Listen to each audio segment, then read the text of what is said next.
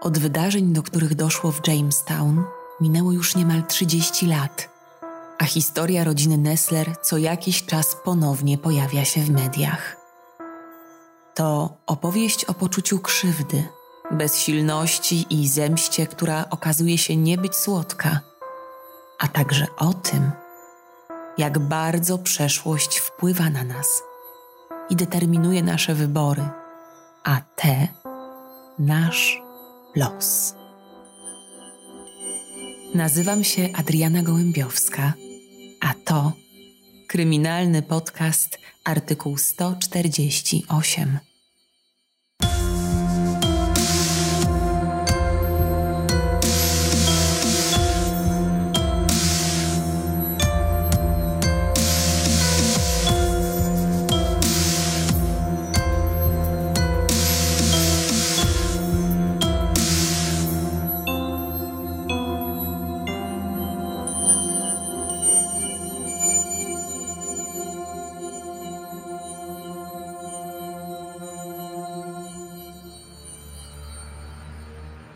Dasz radę, powtarza w kółko 40-letnia Ellie Nessler, parkując swój samochód przed wejściem do budynku w Jamestown 2 kwietnia 1993 roku. Gdy tylko wyłącza silnik, dziesięcioletni Willy niemal natychmiast wypada ze środka auta, upada na kolana i wymiotuje przed siebie. Kobieta podbiega do chłopca i próbuje postawić go na nogi, ale blady jak ściana, wycieńczony malec głośno płacze – i błaga matkę, żeby go nie zmuszała do tego spotkania. Eli reaguje tak stanowczo, że sama zaczyna się za to nienawidzić. Musisz tam pójść, bądź odważny, inaczej to nigdy się nie skończy. Cedzi przez zęby i siłą zaciąga Williama do środka budynku, który dziś robi za sąd, a na co dzień jest biblioteką, domem seniora, a od czasu do czasu salą weselną. Na korytarzu czeka już na nich siostra kobiety, Janet, nazywana przez wszystkich Jan, a jej widok na moment rozwesela chłopca. Eli czuje do siebie prawdziwy wstręt, bo wie, że zmusza swojego syna do czegoś, czego boi się najbardziej na świecie. Z tych rozmyślań wyrywa ją dźwięk zatrzymującego się tuż przed wejściem samochodu policyjnego. To on! Wyrywa jej się niechcący. Willy na te słowa reaguje niemal natychmiast i ledwo udaje się podłożyć pod jego twarz kosz na śmieci. W tym momencie w drzwiach staje prowadzony przez policjantów 35-letni Daniel Driver, ubrany w pomarańczowy uniform i skuty w kajdanki. Widok wymiotującego, rozedrganego chłopczyka widocznie go bawi. Przechodząc obok, wysyła jeszcze w stronę odrętwiałej Eli Nessler szyderczy uśmiech i znika za drzwiami sali rozpraw. Kiedy tylko kobieta odzyskuje czucie w ciele, rzuca się w kierunku zamkniętych drzwi, ale jej siostra jest szybsza i łapie ją w pół, odciągając od nich. Chłopczyk, gdy orientuje się, że człowiek, który przed momentem przeszedł obok, to Dany, zaczyna płakać i równocześnie krztusić się. Jest cały mokry drży z przerażenia. Eli mocno przytula syna i nerwowo głaszcze go po głowie, mając nadzieję, że to uspokoi go choć odrobinę.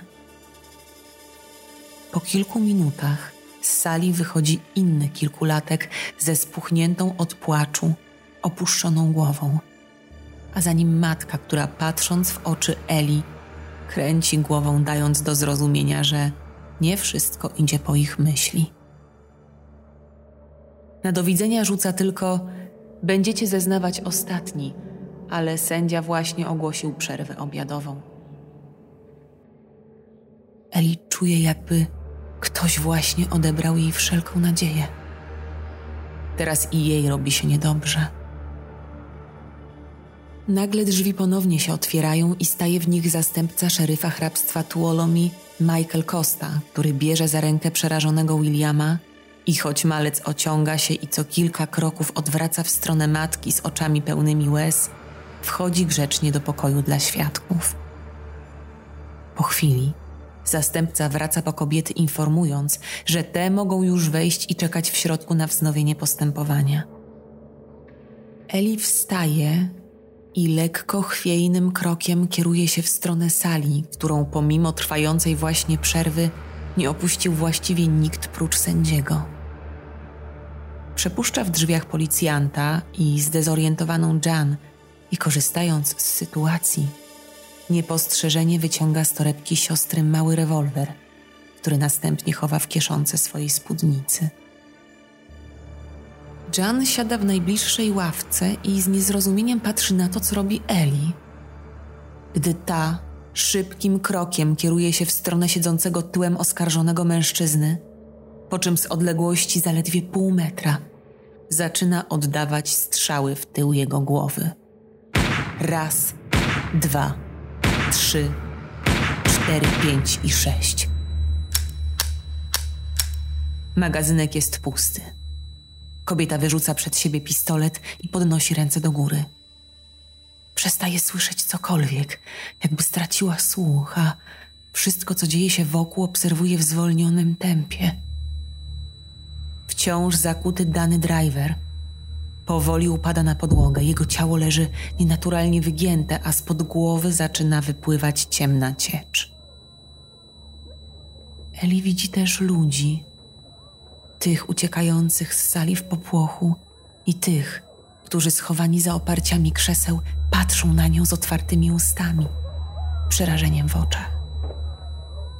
Nagle czuje, że ktoś ją szarpie za ramię i znienacka wszystko wraca do normalności, a hałas, który panuje wokół, jest nie do zniesienia. Przed kobietą Stoi teraz z rozpostartymi rękami jej siostra i swoim ciałem osłania ją przed policjantami, wrzeszcząc, by nie strzelali.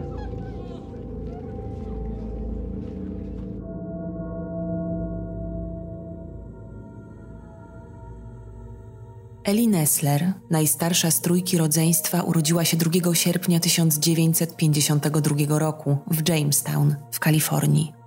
Mieście, gdzie po dziś dzień czuć klimat dzikiego zachodu i w którym wciąż kręci się westerny i filmy o poszukiwaczach złota. Ojciec Eli pracował w kopalni węgla i był brutalnym alkoholikiem. Niejednokrotnie podnosił rękę na swoją żonę, a jeśli w jej obronie stanęła któraś z córek, bił również ją. Sytuacja finansowa rodziny także była bardzo trudna, więc by pomóc rodzicom związać koniec z końcem, Eli była zmuszona pracować już jako nastolatka. Podejmowała się wielu dorywczych prac, nierzadko bardzo ciężkich, takich jak kopanie rowów, naprawa samochodów czy jazda traktorem dla lokalnych rolników. W małżeństwie upatrywała szansy na inne, lepsze życie niż to, które wiodła pod dachem rodziców. Dlatego też bardzo szybko wyszła za mąż. Ten związek jednak nie przetrwał próby czasu a Eli niemal od razu po rozwodzie związała się z profesjonalnym poszukiwaczem złota Billem Nesslerem. Niedługo po ich ślubie, w 1982 roku, na świat przyszedł syn pary, William. Dwa lata później, wraz z małym dzieckiem, małżeństwo postanowiło przenieść się do Liberii w Afryce, wierząc, że znalezione tam skarby odmienią ich los. Ale przyjście na świat córki, Rebeki i wybuch wojny domowej ostudziły u kobiety gorączkę złota i zaważyły na chęci powrotu do Stanów. Bill jednak nie podzielał tej decyzji i postanowił pozostać w Afryce, by pracować w kopalni. Załamana kobieta wróciła więc samotnie do Kalifornii i osiedliła się w przyczepie kempingowej na obrzeżach jej rodzinnego Jamestown. Pozostawiona przez męża z dwójką malutkich dzieci, nie mogła znaleźć stałej posady. Dorabiała więc pracując przy wycince drzew i w znacznej mierze zdana była na pomoc opieki społecznej. Czuła wsparcie ze strony swojej siostry Jen i matki Marii, które mieszkały niedaleko, jak również ze strony członków kościoła, do którego należała. Ci doskonale zdawali sobie sprawę z codziennych trudów, jakim musiała sprostać kobieta, więc gdy tylko mogli, Pomagali jej w remoncie wiecznie przeciekającej przyczepy, a czasem zapraszali na święta. Ale koniec końców Eli musiała radzić sobie sama. Przede wszystkim z wychowaniem dwójki maluchów. Była wymagającą i surową mamą, przeczuloną na punkcie bezpieczeństwa. Nie pozwalała swoim dzieciom nocować u innych rodzin, a jakiekolwiek wyjścia były możliwe tylko w jej obecności. To bardzo smuciło sześcioletniego wtedy Williama, którego wszyscy nazywali Willy. Jego koledzy całymi dniami grupą wałęsali się po pagórkach i bawili w kowbojów. Jemu nie wolno było tego robić. I gdy latem 1988 roku podczas mszy świętej mały usłyszał o letnim obozie dla dzieci organizowanym przez ich kościół, dosłownie oszalał na tym punkcie. Eli zdawała się być początkowo niewzruszona płaczem i błaganiem o pozwolenie na wyjazd, ale jej siostra postanowiła ją przekonać. Nie był to zły pomysł. Chłopiec miał być pod opieką ludzi, którym kobieta ufała i wśród kolegów w podobnym wieku. Janet przekonywała Eli, że nie tylko chłopiec potrzebuje tego wyjazdu, ale ona również. Powinna trochę odpocząć i w końcu pomyśleć także o sobie. Gdy Willy wrócił z letniego obozu, kobieta spodziewała się, że znów zobaczy swojego szczęśliwego i stęsknionego niemal trzytygodniową rozłąką synka. Ale chłopiec, który przyjechał, nie był już tym samym Williamem. Był wycofany, kłótliwy i bardzo niegrzeczny. Konflikt między matką a chłopcem nasilał się każdego dnia i wszyscy to zauważali. Jedni widzieli w tym bunt, a inni twierdzili, że zmiana, jaka zaszła w chłopcu, mogła być wynikiem tęsknoty za ojcem. W trakcie tego chrześcijańskiego obozu sześciolatek po raz pierwszy nie tylko był z dala od matki, ale także widział tam innych chłopców w towarzystwie ojców. To według Jan mogło spowodować pogorszenie się stosunków między Willim a matką. W jej opinii chłopczyk winił ją o to, że wyjechali z Afryki, pozbawiając go tym samym kontaktu z tatą. Mijały miesiące, i nic w zachowaniu małego się nie zmieniało. Po około dziewięciu miesiącach ciotka zabrała do siebie na noc siostrzeńca, by ten mógł spędzić trochę czasu z kuzynostwem, ale przede wszystkim po to, by Eli mogła trochę odpocząć od wciąż walczącego z nią syna. Wieczorem Jan postanowiła poważnie porozmawiać z Willim i zwróciła mu uwagę na to, że jego zachowanie bardzo rani matkę ale gdy zobaczyła, że chłopiec zaczyna bezgłośnie płakać, zrozumiała, że to coś poważniejszego. Poprosiła malucha, by zdradził, co się dzieje, ale ten początkowo zasłaniał rączkami usta i zarzekał się, że nie powie, aż w końcu zmienił zdanie pod warunkiem, że ciotka nikomu nie wyjawi jego tajemnicy. I choć w kuchni nie było nikogo poza ich dwójką, chłopczyk zbliżył się do niej i zaczął szeptać. To się zaczęło na obozie. Dany obiecał mi, że jak pójdę z nim do lasu, to pokaże mi żaby. Rozpoczął, a każde jego kolejne zdanie przepełniało oczy Jan łzami. Powiedział, że jak zdradzę nasz sekret, to zabiję mamę i Rebekę. Ciociu, nie możesz nikomu powiedzieć, nie możesz. Wbijał drobne palce w jej ramię. Ale Jan nie mogła mu tego obiecać. Z opowieści siostrzeńca wynikało, że mężczyzna przez niemal dziewięć miesięcy molestował i szantażował chłopca. Dany driver był nie tylko członkiem ich kościoła, ale też częstym gościem domu niczego nieświadomej matki Williama. Gdy siostra opowiadała Eli o tym, co zdradził jej chłopczyk, ta czuła, jak całe jej życie właśnie legło w gruzach. To, co inni nazywali nadopiekuńczością, ona traktowała jak parasol ochronny, który zapewniał jej dzieciom bezpieczeństwo i miał nie dopuścić do tego, co spotkało także ją, kiedy podobnie jak jej syn miała zaledwie sześć lat. Z całego zajścia Malutka Eli nie pamiętała zbyt wiele, ale wciąż przed oczami miała obraz swojej mamy, która za pomocą strzelby przegnała z miasta tamtego mężczyznę raz na zawsze. Teraz nie mogła sobie wybaczyć tego, że pozwoliła synkowi pojechać na obóz, choć instynkt podpowiadał jej zupełnie inaczej. Miała poczucie, że przez nią William wpadł wprost w paszczę lwa. Kobiety natychmiast udały się na komisariat, by zgłosić przestępstwo, do którego doszło niemal rok wcześniej i do którego miało nadal dochodzić. Eli nie potrafiła powstrzymać łez, była załamana i wściekła. Teraz wszystko nabrało sensu. Te napady bólu brzucha, problemy z koncentracją, wahania nastroju. To właśnie przez tego potwora jej synek był ciągle przygnębiony, zdenerwowany i zły. I gdy policjanci wpisywali do systemu raport, odkryli coś, czego nikt z obecnych tam zupełnie się nie spodziewał. Mężczyzna, który w tym mieście był znany i ceniony przez wszystkich, miał już na swoim koncie zgłoszenie molestowania małych chłopców.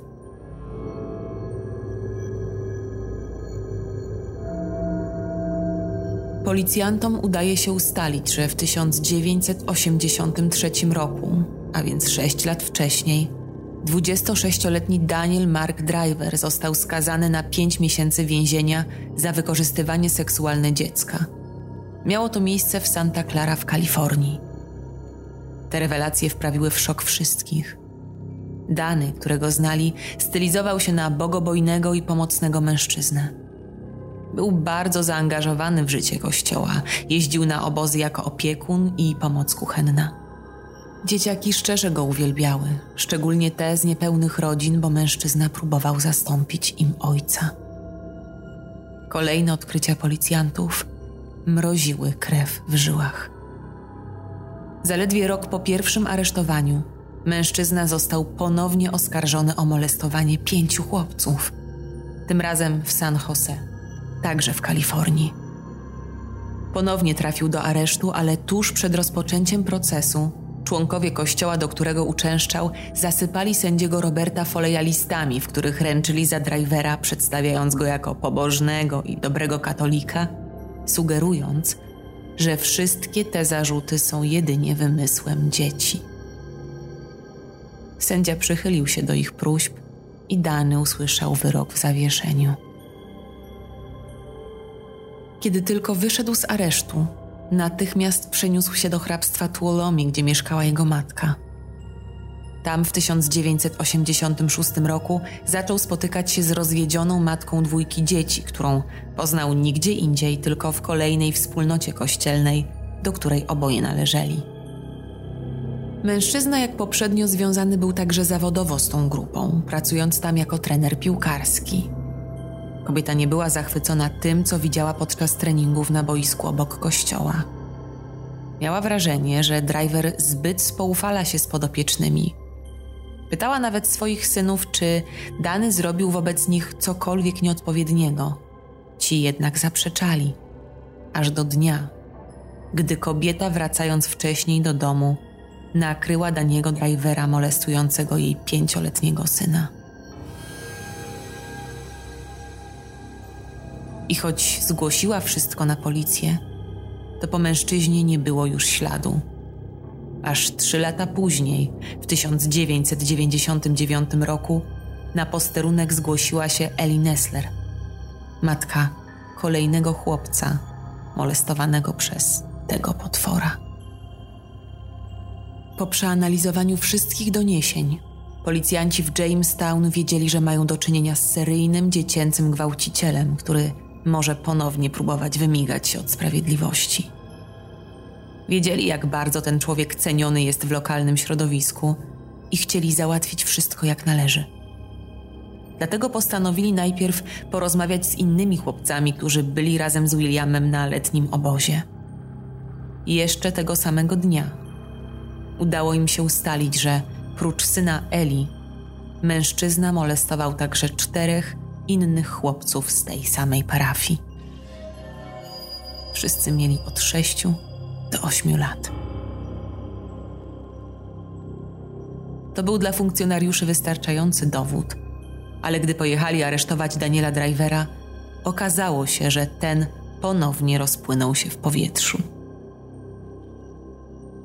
Mężczyzna miał ten sam schemat działania za każdym razem. Prawie zawsze wykorzystywał swoją pozycję członka lub pracownika wspólnoty kościelnej i celował w dzieci samotnych lub rozwiedzionych matek. By zdobyć zaufanie potencjalnej ofiary, najpierw poświęcał jej zdecydowanie więcej czasu niż pozostałym, dając złudzenie budowania więzi. Często obdarowywał ją prezentami, nierzadko bardzo osobistymi. Wszystko po to, by osłabić czujność i ostatecznie zaatakować. Następnie wkraczał w drugą fazę. Wciąż molestując dziecko, szantażował je, mówiąc, że i tak nikt mu nie uwierzy. A jeśli piśnie choć słówko, to zrobi to samo ich rodzeństwu, a rodziców zabije. Zniknięcie oprawcy niewiele jednak zmieniło w życiu skrzywdzonych chłopców, a mały Willy dodatkowo popadł w depresję. Od momentu, gdy przesłuchała go policja i ten zdał sobie sprawę, że sekret wyszedł na jaw, codziennie godzinami czuwał w oknie, bojąc się, że zaraz pod jego dom podjedzie Dani i zabije jego mamę i małą siostrzyczkę. Przerażenie i obsesja chłopca doprowadziła do tego, że gdy kiedyś na placu zabaw zobaczył przejeżdżający nieopodal żółty samochód, podobny do tego, jakim jeździł driver, siedmiolatek zemdlał ze strachu. Mijały tygodnie, miesiące, a nawet lata, a Willy wciąż moczył łóżko i niemal co noc budził się krzycząc. Złość wyładowywał podczas bujek z kolegami, a problemy z koncentracją i nauką spowodowały, że jeszcze w podstawówce musiał trzykrotnie zmieniać szkołę. Ale modlitwy Eli Nessler o sprawiedliwość dla jej syna miały zostać wysłuchane, gdy w 1993 roku, niemal trzy lata po zgłoszeniu molestowania, Daniel Driver został w końcu aresztowany.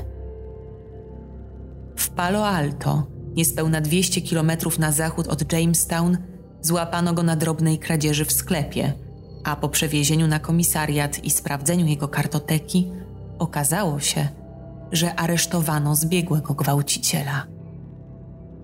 Natychmiast został wydany hrabstwu Tuolomi i postawiono mu już po raz czwarty zarzuty wykorzystywania seksualnego nieletnich. Eli widziała w tym szansę na zamknięcie sprawy i uwolnienie jej syna od koszmaru, w którym żył już niemal połowę swojego życia. Ale Willy, na samą myśl o składaniu w sądzie zeznań przeciw swojemu oprawcy, dostawał histerii. Nic nie dały też prośby i wnioski składane przez Eli do prokuratury. Odrzucono ten, w którym nalegała, by chłopiec i jego koledzy zeznawali przed kamerą w innym pokoju.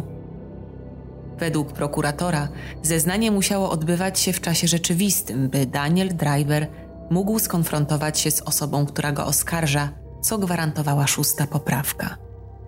By to zapewnić, musieli mieć odpowiedni sprzęt, a taki nie był w posiadaniu hrabstwa i był według nich zbyt drogi.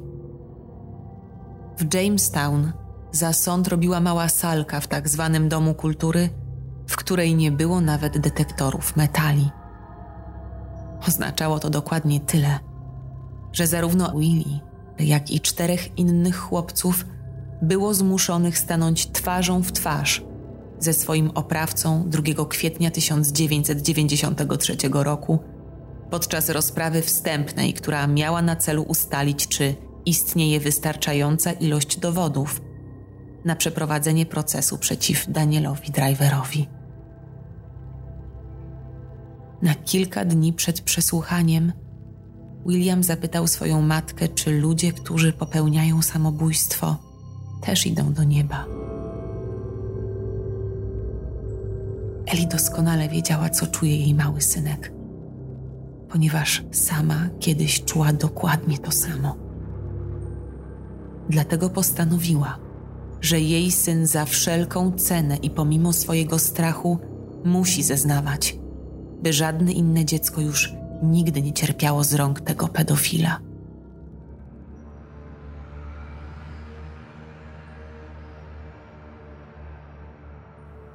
On zgwałcił setki dzieci, nie rozumiesz? Krzyczy Eli Nessler do zakuwającego ją w kajdanki zastępcy szeryfa. A potem już całkiem spokojnie, z podniesioną dumnie głową, wychodzi na zewnątrz. Na policję i matkę Williama przed budynkiem prowizorycznego sądu czeka niemały tłum gapiów, który zbiegł się słysząc dobiegający ze środka hałas i krzyki wybiegających w popłochu ludzi. Zebrani biją brawa, wiwatują na cześć kobiety, a z tłumu ktoś krzyczy nagle: Świetny strzał, Eli! Zaledwie cztery godziny po tym, jak kobieta pociągnęła za spust, zaczyna się jej przesłuchanie. Jak się czujesz? pyta śledczy. Czuję się przestraszona. Odpowiada Eli, po czym pochyla się nad włączonym magnetofonem, który dzieli ją od szeryfa. Naprawdę przestraszona. Nie wiem, czy postąpiłam dobrze. Nie wiem, czy nie postąpiłam źle. Dany nie żyje. Jak to wszystko wpłynie na moje dzieci? William tego nie widział, ale co teraz? Eli milknie na chwilę, aż nagle pyta: Dany skrzywdził Williama, ale co ja narobiłam? Po kilku minutach ponownie pochyla się nad mikrofonem i przez niemal półtorej godziny wyrzuca z siebie cały ból i rozczarowanie. Cztery lata obserwowania, jak mój syn staje się Jekyllem i Hyde'em. Aż dotarłam na kraniec i wtedy on wszedł do sali sądowej i błysnął tym wielkim uśmieszkiem spod wąsów. Wyznaje też, że była pewna, że i tym razem mu się upiecze, że znów wyjdzie na wolność i będzie krzywdził kolejne dzieci. Musiała więc to zrobić.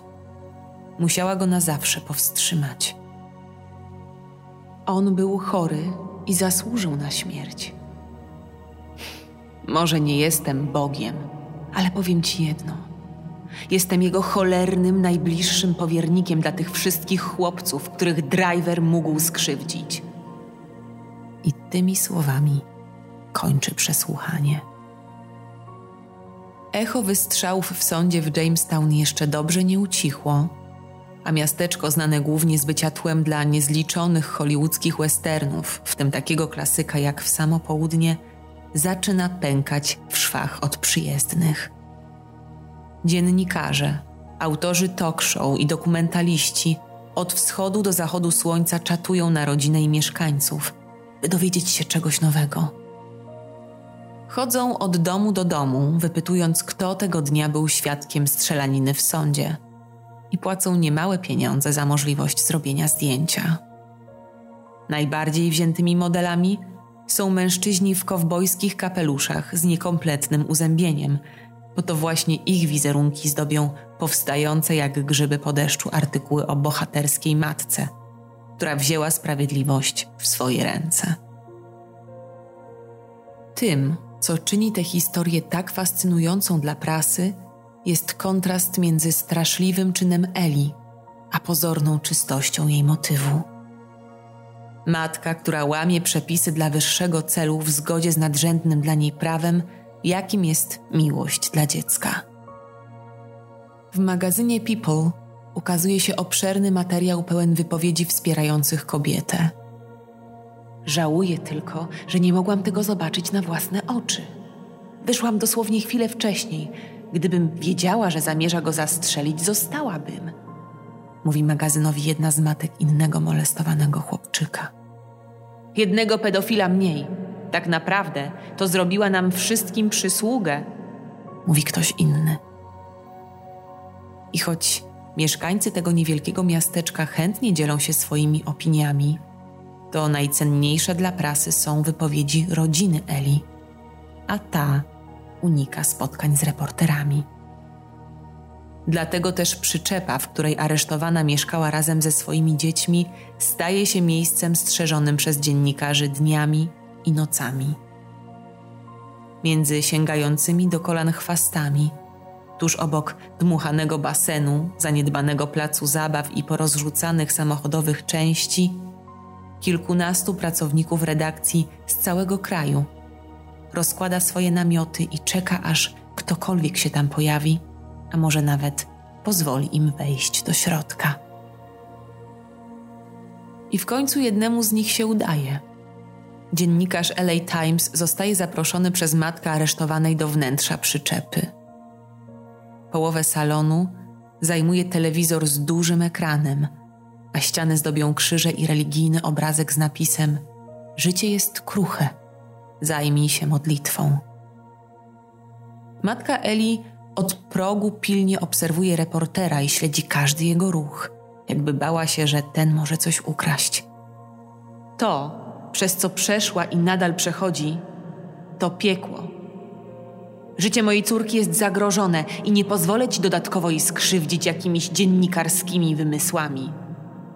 Mówiąc to ruchem głowy, wskazuje na stary fotel, na którym piętrzą się brudne ubrania i śmieci. I choć dziennikarz zdecydowanie wolałby postać, to po tych kilku minutach spędzonych z Mary Star już wie, że z tą kobietą nie warto dyskutować. Matka opowiada o trudnym dzieciństwie córki, także o tym, że jej przyszło kiedyś walczyć z oprawcą jej dziecka. Mówiłam jej: polegaj na sobie, ponieważ kobieta przez życie często musi iść sama. Zaufaj panu, ale na wszelki wypadek spakuj pistolet i nie szukaj kłopotów.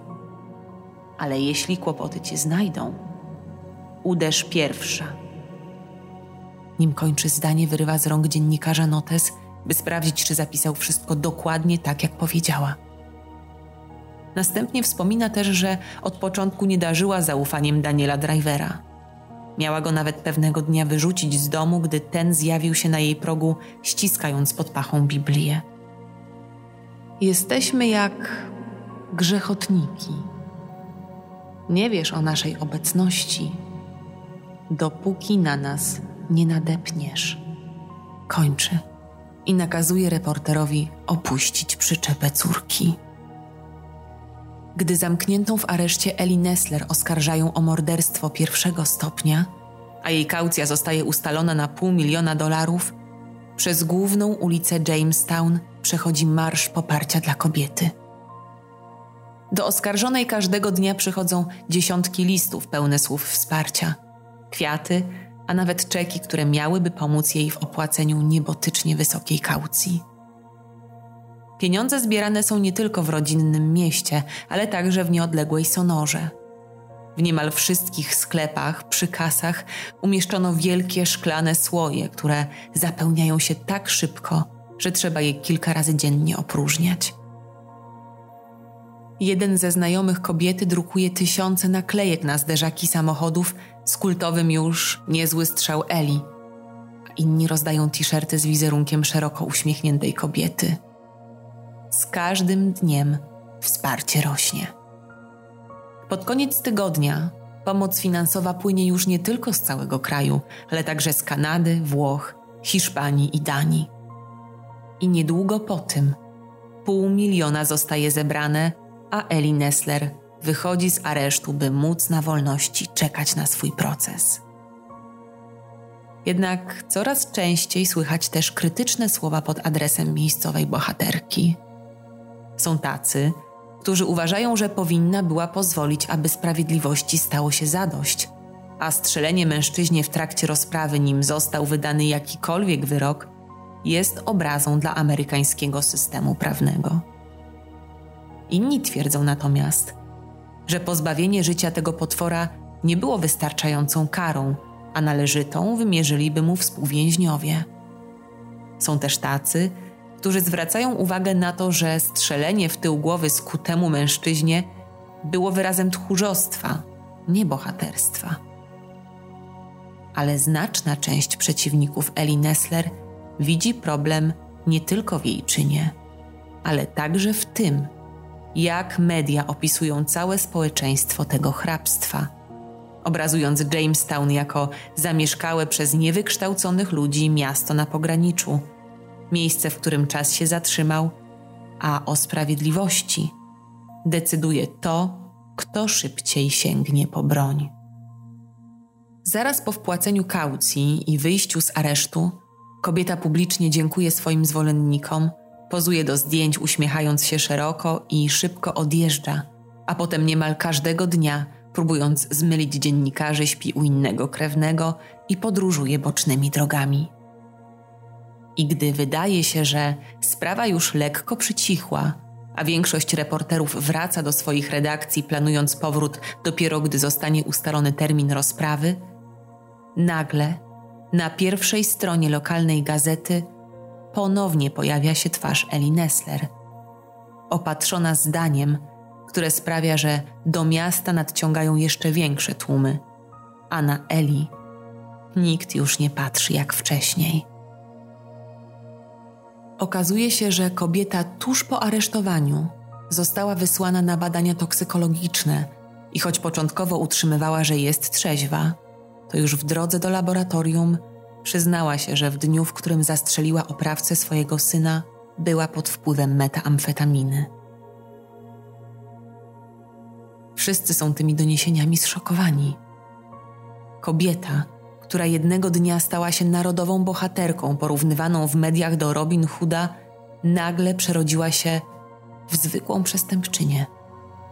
Obraz Eli Nessler, matki, która by chronić niewinne dzieci, splamiła się krwią, zaczął rywalizować z obrazem narkomana, który wziął prawo w swoje ręce i wpakował komuś kilka kul w tył głowy.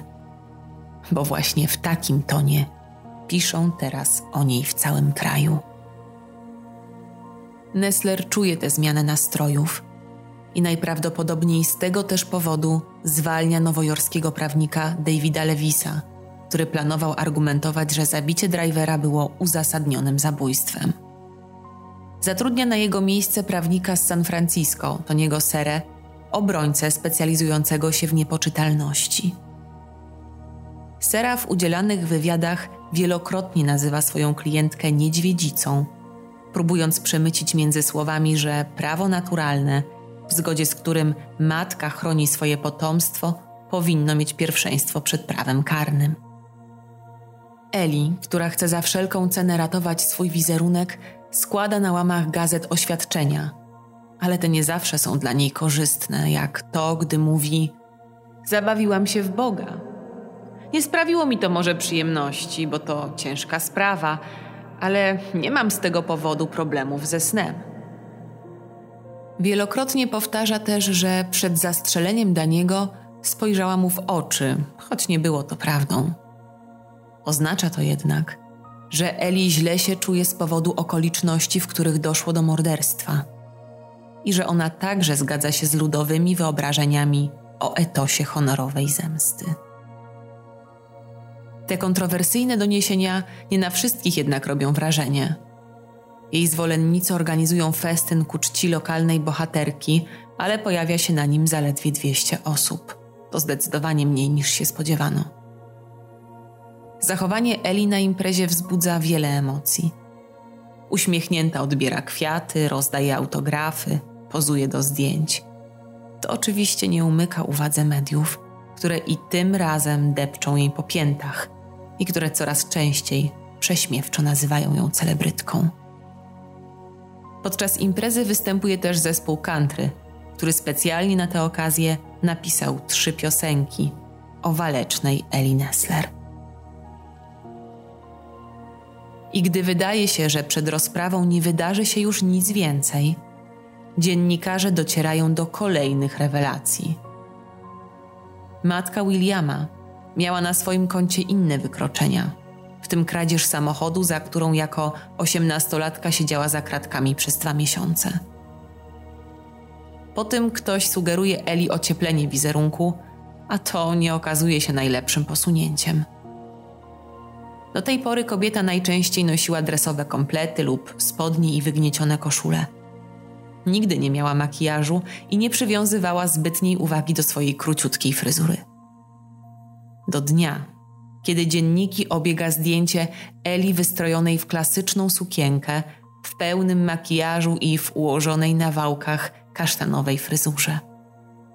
Nie wygląda to źle, ale niestety wygląda to śmiesznie, bo ktoś ją przebrał za zupełnie inną osobę, próbując za wszelką cenę zerwać z wizerunkiem chłopczycy w kowbojskim kapeluszu z rewolwerem za paskiem. I choć coraz więcej zarzucano kobiecie, to nie można jej było odmówić naturalności. Do dnia procesu, gdy ubrano ją w niebieską sukienkę w stylu pasterki, a w dłoń wsadzono białą lilię, która chyba miała symbolizować niewinność. I tak wystylizowanej zorganizowano sesję zdjęciową przed budynkiem sądu w Sonorze. Reakcja opinii publicznej była do przewidzenia. 13 lipca 1993 roku w nieodległym od Jamestown mieście Sonora rozpoczyna się proces Ellie Nessler, oskarżonej o morderstwo Daniela Drivera. Zarówno prokuratura, jak i obrona chcą, aby ten proces był sprawą o wszystko, czyli albo z wyrokiem skazującym za morderstwo pierwszego stopnia, albo uniewinniającym od wszystkich zarzutów. Tyle, że sędzia William Poley nie zgadza się na to, mówiąc, że w jego opinii ława przysięgłych powinna mieć również możliwość wydania wyroku w sprawie morderstwa drugiego stopnia lub zabójstwa. Pomimo sprzeciwu obrońcy, sędzia instruuje ławę przysięgłych składającą się z siedmiu kobiet i pięciu mężczyzn, że mogą rozważyć każdy z wielu werdyktów. Adwokat Nessler rozpoczyna swoją argumentację od tego, że jego zdaniem Eli była niepoczytalna w chwili, gdy sześciokrotnie strzeliła w stronę ofiary i aż pięciokrotnie trafiła w tył jego głowy, a następnie opisuje drivera jako Kubę rozpruwacza, który prześladował dzieci. Pani prokurator Joe Graves jest jednak innego zdania. W swoim wystąpieniu obnaża sprzeczności w zeznaniach Nessler, podkreślając, że kobieta od dawna opowiadała publicznie, że planuje to morderstwo, a o działaniu z premedytacją świadczyć miał przyniesiony tego dnia do sądu pistolet. Prokurator włącza też ławie przysięgłych fragment przesłuchania, w którym Nessler cieszy się ze śmierci drivera, a samą siebie porównuje do Boga. W tym przypadku współczucie i sympatia nie mogą pokonać rozsądku. Kwituje oskarżycielka. Kluczowym jest zeznanie Janet Martinez, z której to torebki wyciągnęła broń oskarżona. Martinez mówi, że powodem, dla którego miała broń należącą do jej zmarłego ojca, był fakt, że niedawno kupiła na aukcji rządowej Bentleya z 1963 roku, należącego do przemytników narkotyków. Ostrzeżono ją, że owi przemytnicy nadal interesują się zakupionym przez nią samochodem, dlatego też Jan postanowiła zabrać ze sobą pistolet. Dla własnej ochrony nie by pomóc w ten sposób w zabójstwie drivera. Ta historia jednak nie przekonuje prokurator Graves. Obrona powołuje trzech ekspertów, którzy zeznają, że w ich opinii oskarżona była niepoczytalna w momencie strzelaniny. Dwóch z nich zdiagnozowało u Nessler zespół stresu pourazowego, który był wynikiem wykorzystywania seksualnego w jej dzieciństwie – oraz molestowania Williama przez drivera.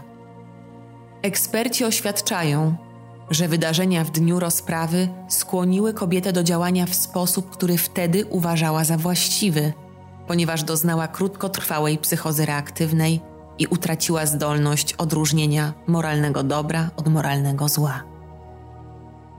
Wszyscy eksperci doszli również do wniosku, że zażywanie narkotyków przez pozwaną nie miało szczególnie istotnego znaczenia dla jej stanu psychicznego w momencie, gdy zabijała.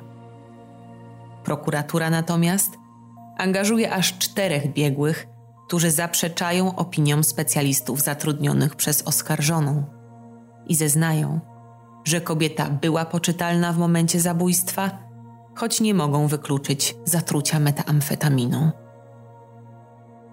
Ale to psycholog dr Filip Trompeter rzuca nowe światło na sprawę. Był obecny przy oskarżonej podczas badań toksykologicznych i zdiagnozował ją wtedy jako nadużywającą substancji psychoaktywnych. Oskarżona miała się przyznać w trakcie tego spotkania, że zaczęła zażywać metamfetaminę już jesienią 1992 roku i zażywała ją około 20 razy, w tym dwa razy w noc przed rozprawą i raz o poranku 2 kwietnia 1993 roku. Głównym powodem, dla którego chciała zabić Daniela Drivera, była myśl o tym, że znów wyjdzie na wolność, a jej syn będzie drżał z przerażenia każdego dnia, zastanawiając się, co tamten znów może mu zrobić. Powiedział doktor Trompeter. W październiku, gdy wciąż trwa proces, u Eli zostaje zdiagnozowany rak piersi, a lekarze dają jej tylko 5 lat życia. Kolejne posiedzenia są odraczane po to, by jak najszybciej mogła przejść operację. Leżąc w szpitalu, kobieta pisze list do sędziego, prosząc go o wyrok w zawieszeniu. Chciałaby wrócić do domu i spędzić te ostatnie chwile z dziećmi. Nic z tego. Tuż przed naradą sędzia instruuje jeszcze ławę przysięgłych, aby w żadnym razie nie brali pod uwagę innych dowodów niż te, które zostały przedstawione przed sądem, a po tygodniu obrad ława przysięgłych orzeka, że oskarżona była w pełni poczytalna. W styczniu 1994 roku pada wyrok skazujący Eli Nessler na 10 lat więzienia.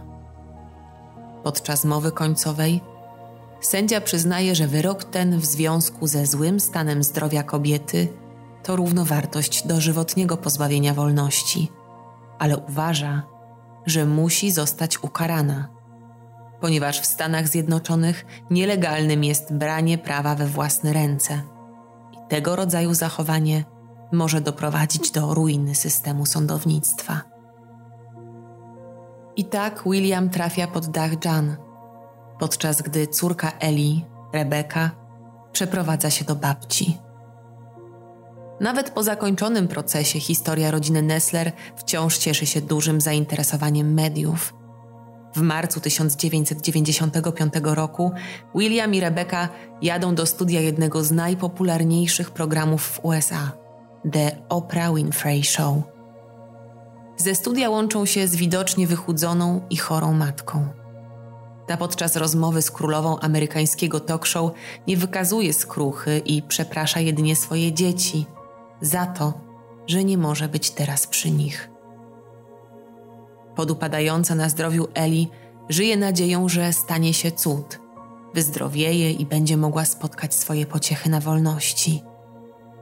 I jej marzenie w pewnym sensie się spełnia, gdy w październiku 1997 roku wychodzi na jaw, że podczas procesu doszło do pewnych nadużyć. Jedna z ławniczek, szargana wyrzutami sumienia, zgłasza się do prokuratury i mówi o tym, jak w rzeczywistości przebiegały obrady przysięgłych. Zasiadająca w ławie Katrin Elizabeth Bosch podczas narad wygłaszała komentarze pełne uprzedzeń wobec oskarżonej, oparte na plotkach lub informacjach uzyskanych spoza sali rozpraw, a to jest niedozwolone. Gdy reszta sędziów spierała się o to, czy oskarżona jest dobrą matką jak ważna jest dla niej ta rola, pani Bosch pozwalała sobie na uwagi, że gdyby reszta wiedziała to, co ona, już dawno wlepiliby jej do żywocie. Swoje wnioski miała opierać na rzekomej przyjaźni z opiekunką do dzieci zatrudnianą przez Nessler, która to opowiadała, że Eli nie dba o swoje potomstwo, źle je traktuje i nierzadko zostawia je bez opieki gdy sama wychodzi się zabawić. Boż miała też w barze poznać mężczyznę, który okazał się być dealerem i przysięgał, że Eli Nessler jest jego klientką od lat i sama również sprzedaje narkotyki.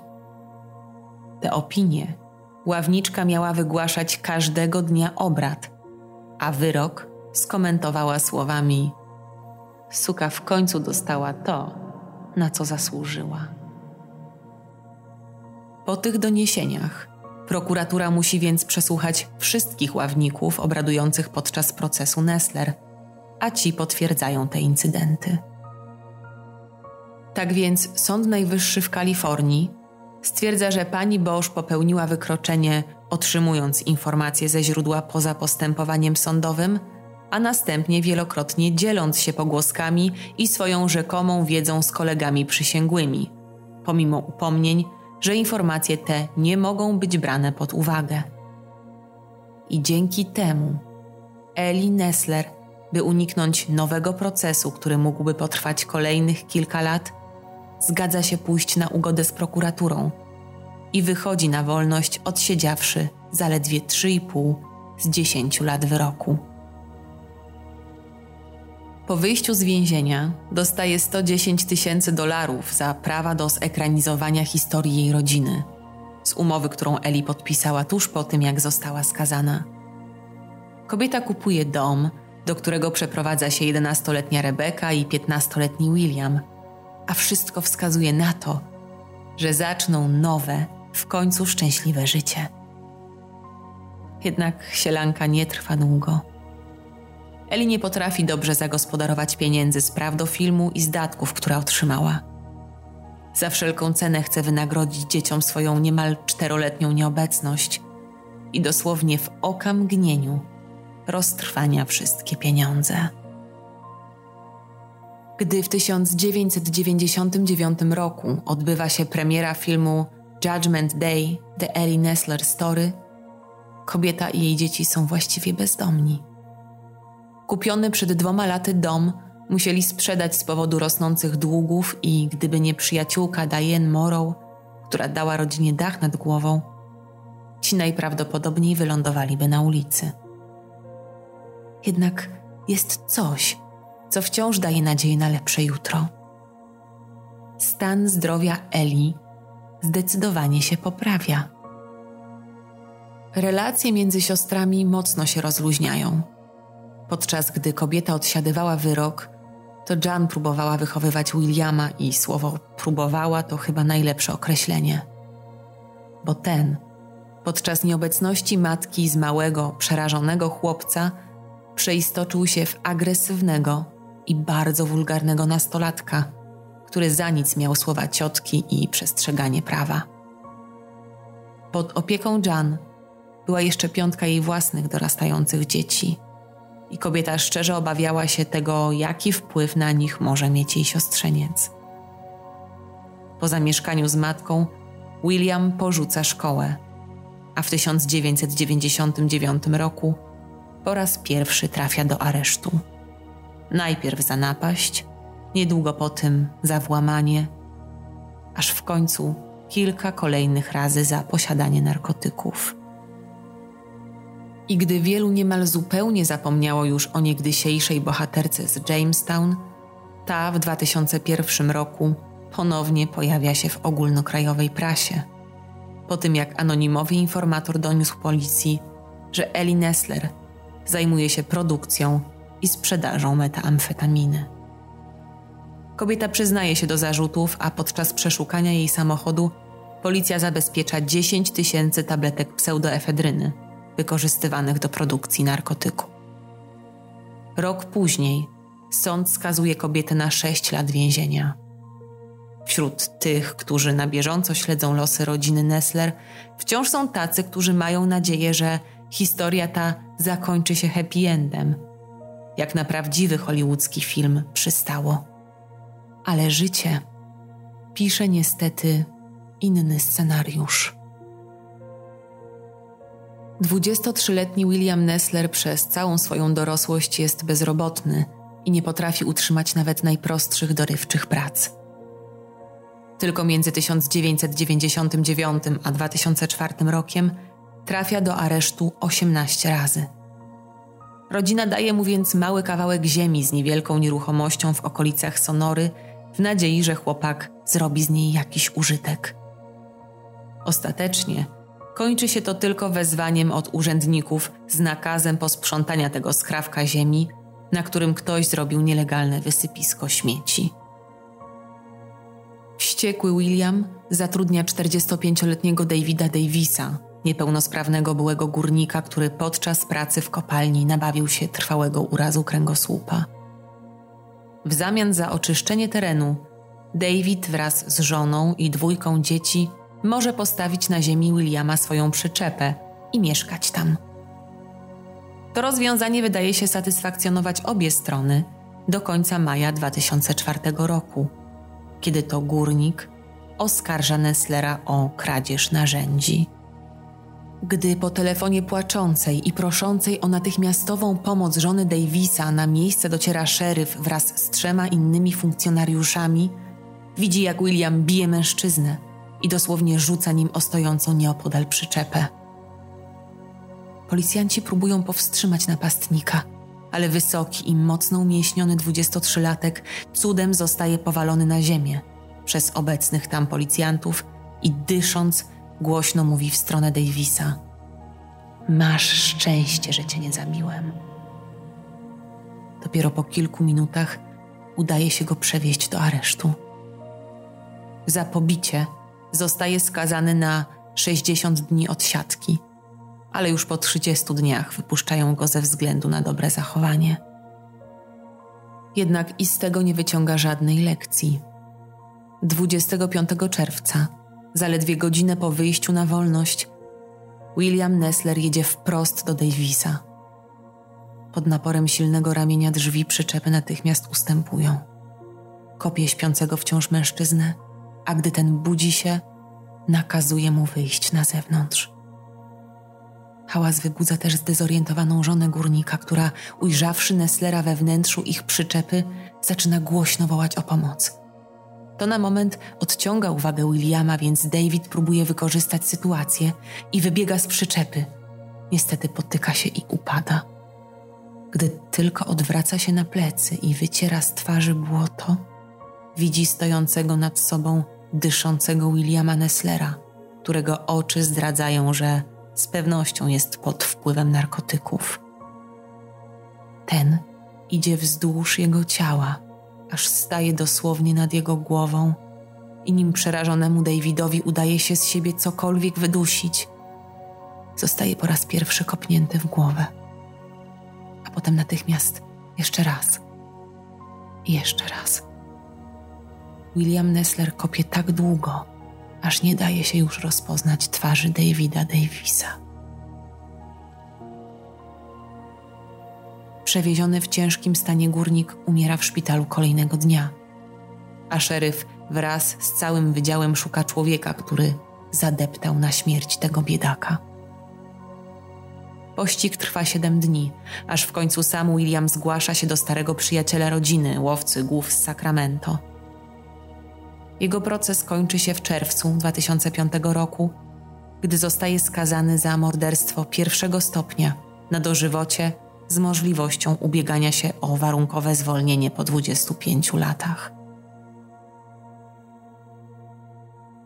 Dla Williama Nesslera to ostatni akt dramatu, który rozpoczął się w 1989 roku, kiedy to wyjechał na letni obóz. Jedyną, która pozostaje na wolności, jest już tylko Rebeka. Z całych sił stara się żyć normalnie. Regularnie odwiedza też matkę i brata. Eli, gdy dowiaduje się, czego dopuścił się William, popada w depresję, a rak piersi ponownie atakuje. Wiem, że czujesz dużo gniewu i winy, mamo, ale uratowałaś wielu chłopców, mówi jej podczas odwiedzin Rebeka odpowiada Eli. Ale nie uratowałam własnego. Kobieta zostaje wypuszczona z więzienia latem 2006 roku po odsiedzeniu czterech z sześciu lat. Jej stan zdrowia nie pozwala na spotkanie z synem, więc pisze do niego listy niemal codziennie i rozmawia przez telefon, kiedy tylko może. Umiera 26 grudnia 2008 roku w szpitalu w Sacramento w wieku 56 lat. Pomimo wielu próśb, William nie dostaje zgody na uczestniczenie w pogrzebie matki. Mężczyzna mówi dziś, że napaść seksualna, której doświadczył w wieku 6 lat, zmieniła go na zawsze. To blizna, którą masz na całe życie i nic tego nie naprawi. Przyznaje też, że przez to, że nie uzyskał odpowiedniej pomocy psychologicznej, nie potrafił opanować gniewu, a ten w nim narastał. Co ciekawe, uważa, że to nie zabójstwo, którego dopuściła się jego matka i jej wieloletnia nieobecność miała znacząco wpłynąć na jego trudy podczas dorastania, ale to, że jego matka z dnia na dzień stała się narodową bohaterką, a jego twarz została oprawiona łatką molestowanego chłopca.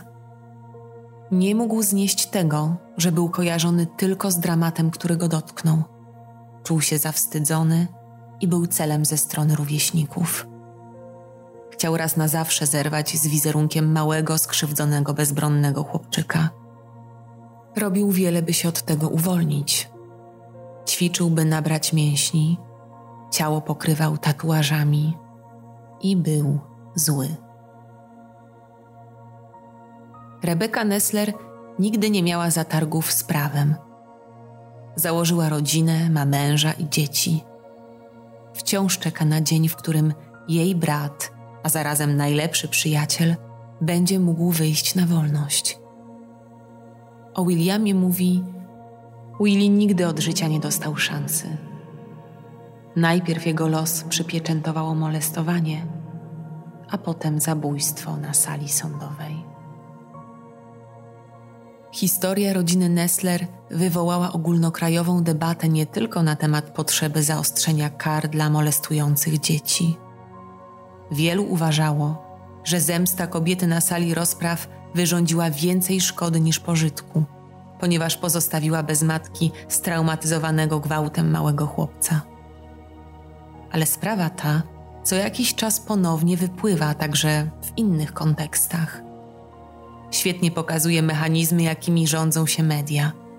To, w jaki sposób odpowiednia narracja z tego samego człowieka w jednym dniu zrobi bohatera, a kolejnego dnia może pociągnąć go na samo dno. Inni zwracają uwagę na to, że to system zawiódł, bo skracanie wyroków nauczyło syna Eli, że nie trzeba liczyć się z surowymi karami. Są też tacy, którzy twierdzą, że Eli Nessler ze względu na to, przez co sama przeszła w dzieciństwie, od początku była skazana na takie życie. Ale przeciwnicy takiej opinii nie popierają jej, twierdząc, że to tworzy błędne koło przemocy i że zła nie można tłumaczyć traumami.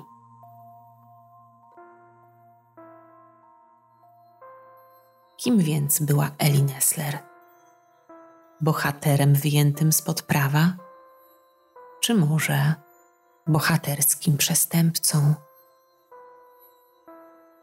Koniecznie daj znać, co sądzisz o tej sprawie. Pozostaw po sobie jakiś ślad. Polub, skomentuj, zasubskrybuj.